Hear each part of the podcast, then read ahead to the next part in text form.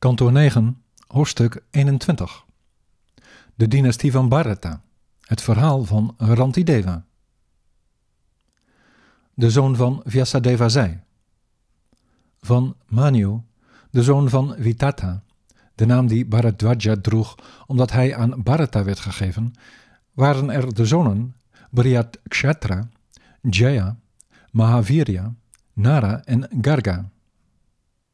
Nara had een zoon genaamd Sankriti. Van Sankriti waren er Guru en Rantideva, o nazaat van Pandu.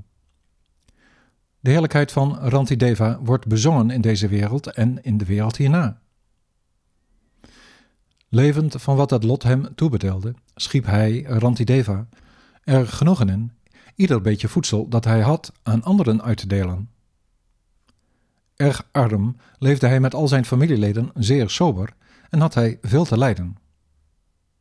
Op een ochtend, toen er 48 dagen waren verstreken en hij zelfs zonder drinkwater zat, gebeurde het dat hij water en verschillende soorten voedsel, toebereid met melk en ghee, mocht ontvangen.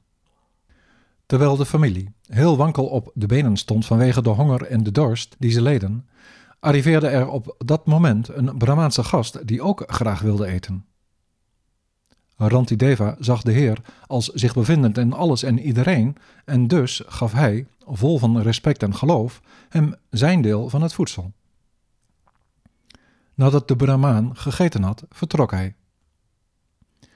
Toen hij het voedsel voor de familie had verdeeld en op het punt stond te gaan eten, arriveerde er iemand anders, een Shudra, die hij, indachtig de Heer, het voedsel gaf dat voor hem, de koning, bestemd was.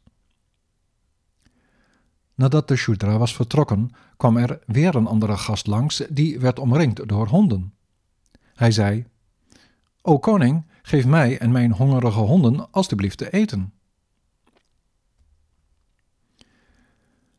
Hij die het gezag uitoefende, respecteerde ze met zijn eerbetuigingen en gaf met de grootste achting de honden en hun baasje al het voedsel dat er over was. Na het voedsel bleef alleen het drinkwater over, en ook dat moest een uitgestoten ziel tevreden stellen, die, net toen de koning wat wilde drinken, langskwam en hem vroeg: Ook al ben ik maar van lage kom af, geef me alstublieft wat water. Toen hij de deerniswekkende woorden van de uitgeputte man hoorde, sprak hij, diep bewogen, mededogend de volgende nectargelijke woorden. Ik verlang niet naar de grootsheid van de acht volkomenheden van de Allerhoogste Meester, of naar het beëindigen van de herhaling van geboorten. Ik aanvaard alle moeilijkheden in het mij ophouden onder de belichaamde levende wezens, opdat ze verlost mogen worden van hun ongeluk. Door het weggeven van mijn drinkwater om deze arme ziel te redden, die vecht voor zijn leven, ben ik bevrijd van al de honger, dorst, vermoeidheid en het beven van mijn lichaam, als ook van al de armoede, het leed, het weeklagen, de neerslachtigheid en de verbijstering. Zich al dus uitdrukkend gaf die sobere, zachtaardige heerser het drinkwater aan de verstoten ziel, hoewel hij zichzelf van de dorst op het randje van de dood bevond. Daarop manifesteerden voor zijn ogen de heersers over de drie werelden zich in hun ware gedaanten, de goden die, aan hen die de vruchten verlangen, alle resultaten verlenen, omdat ze in hun voorgaande verschijningen in de gedaanten van de Brahmaan, de man met de honden, de Shudra en de uitgestotene, allemaal creaties waren geweest van de illusoire energie van Vishnu. Waarachtig jegens hen als iemand die er geen materiële verlangens naar enig voordeel of bezit op nahield, bood hij hen zijn eerbetuigingen terwijl hij zijn geest richtte op Vasudeva, de Allerhoogste Heer, als het uiteindelijke doel. Omdat hij, niets anders willend dan van dienst zijn, zich had geconcentreerd op de Allerhoogste Heer, o koning, was de begoocheling van de materiële kwaliteiten voor hem niet meer dan een droom. Allen die betrokken waren bij zijn leiderschap, allen die Rantideva volgden, werden eerste klas bhakti-yogis die stuk voor stuk heer Narayana waren toegewijd.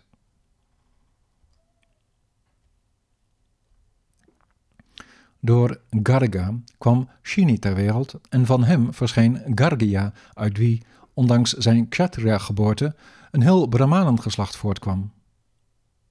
Van Mahavirya was er Duritakshaya, wiens zonen de namen Trayaruni, Kavi en Pushkararuni droegen. Zij verwierven in deze lijn allen de positie van Brahmanen. Brihad Kshatra's zoon Hasti grondvestte de stad Hastinapura, het huidige Delhi. Ajamida, Dvimida en Puromida werden de zoons van Hasti. Ajamida's nakomelingen werden vooropgegaan door Priyameda. Ze waren allen Brahmanen. Van Ajamida was er Brihadishu. Zijn zoon was Brihadhanu. Brihadkaya volgde hem op en hij verwekte een zoon genaamd Jayadratha. Zijn zoon was Vishada, die Shenajit op de wereld zette. Ruchirashva, Dridadanu, Kasha en Vatsa waren de zoons van Shenajit. Ruchirashva's zoon was Para, en door Para kwamen de zoons Pritusena en Nipa ter wereld. Nipa verwekte een honderdtal zoons. Hij bracht met zijn vrouw Kritvi, die de dochter was van Shuka, Brahmadatta voort. Hij was een yogi die in de schoot van zijn vrouw Sarasvati een zoon verwekte, genaamd Vishaksena. Door hem, Vishaksena, werd overeenkomstig de instructie van de rishi Jaigishavya een beschrijving van de yoga, een zogenaamde tantra, opgesteld. Hij had een zoon genaamd Udaksena, die de vader werd van Bhalata.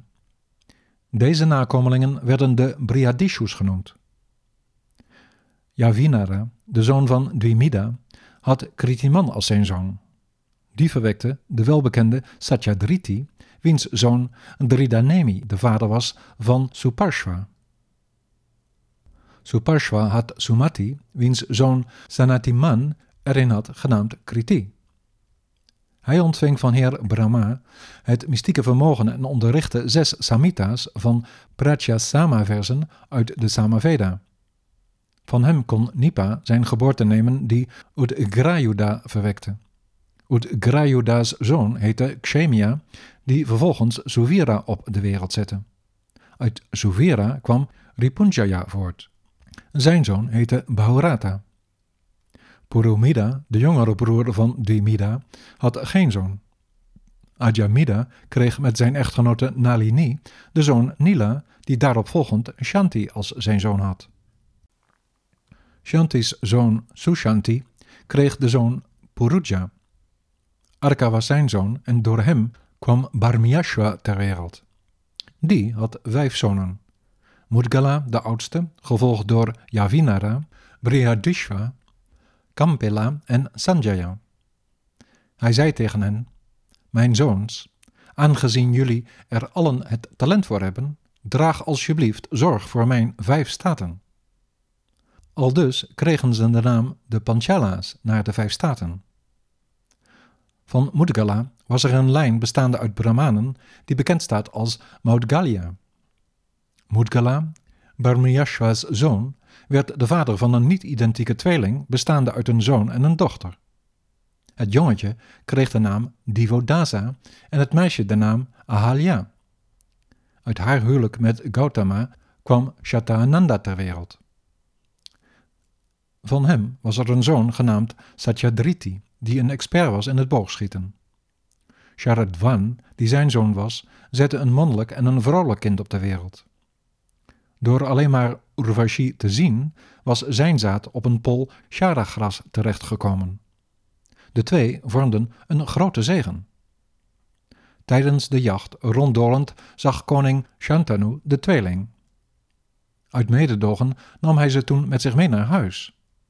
De jongen noemde hij Kripa en het meisje Kripi.